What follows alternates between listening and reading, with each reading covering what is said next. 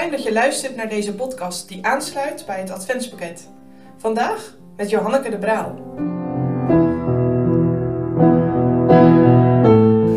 God vervult zijn plan op zijn tijd. We lezen samen Lucas 1, vers 19 tot 25.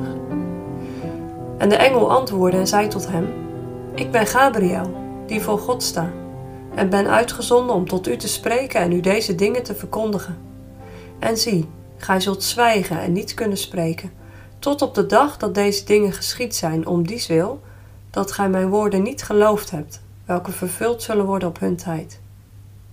En het volk was wachtende op Zacharias en ze waren verwonderd dat hij zo lang vertoefde in de tempel.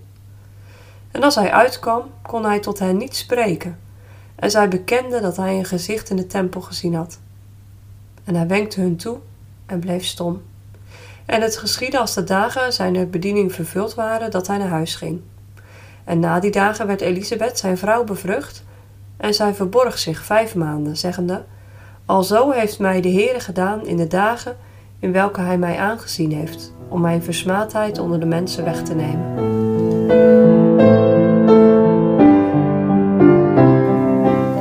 Zacharias staat daar nog steeds bij het reukofferaltaar in het heilige van de tempel. De engel heeft tot hem gesproken. Je zult een zoon krijgen en zijn naam zal zijn Johannes. Zacharias, hij kan het niet geloven.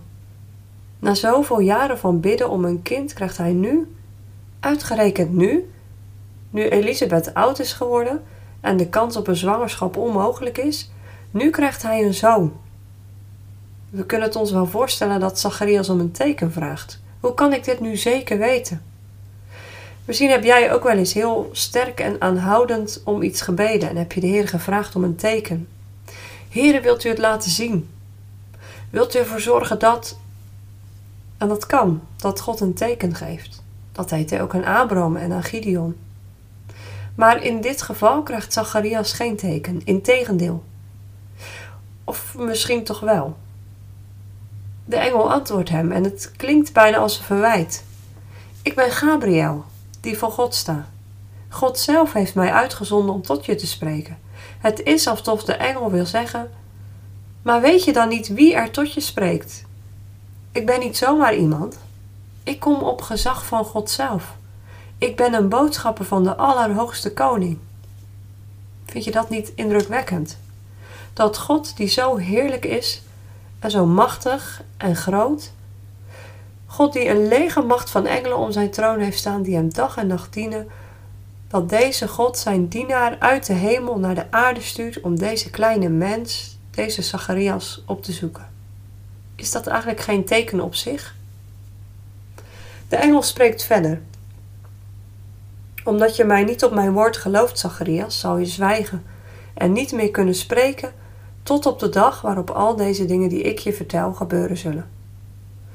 En zo wordt de priester Zacharias vanwege zijn ongeloof door God het zwijgen opgelegd. Ondertussen staat het volk buiten te wachten. En je kunt je voorstellen dat ze wat ongedurig worden. Waar blijft die priester nou? Waarom duurt het zo lang? Zou die onwel geworden zijn? Eindelijk komt hij dan naar buiten. Nu zal hij de handen opheffen en de zegen over hen uitspreken. Maar het blijft stil. En dan ziet het volk ook wel aan Zacharias dat daar binnen in de tempel iets is gebeurd. Ik stel me zo voor dat Zacharias wat hulpeloos en ondaan heeft gekeken, nog verward van de ontmoeting en de woorden van de engel Gabriel. Hij wenkte naar het volk: Ga maar naar huis.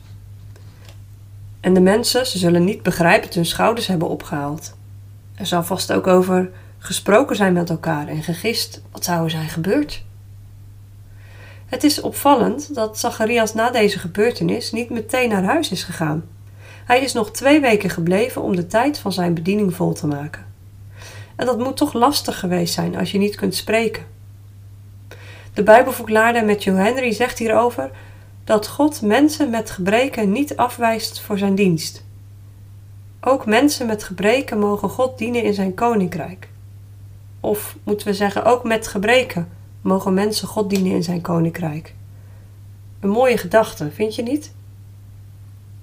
Als Zacharias zijn tempeldienst vervuld heeft, gaat hij terug naar huis, naar zijn vrouw Elisabeth. Het woord van de engel gaat in vervulling. Elisabeth wordt zwanger. Ze schreeuwt dit niet meteen van de daken, zoals je zou verwachten van iemand die na jaren van kinderloosheid een baby verwacht. Nee, er gebeurt juist het tegenovergestelde. Vijf maanden lang leeft ze een teruggetrokken bestaan, afgezonderd en toegewijd aan de Heer, om zich zo op de komst van dit bijzondere kind voor te bereiden.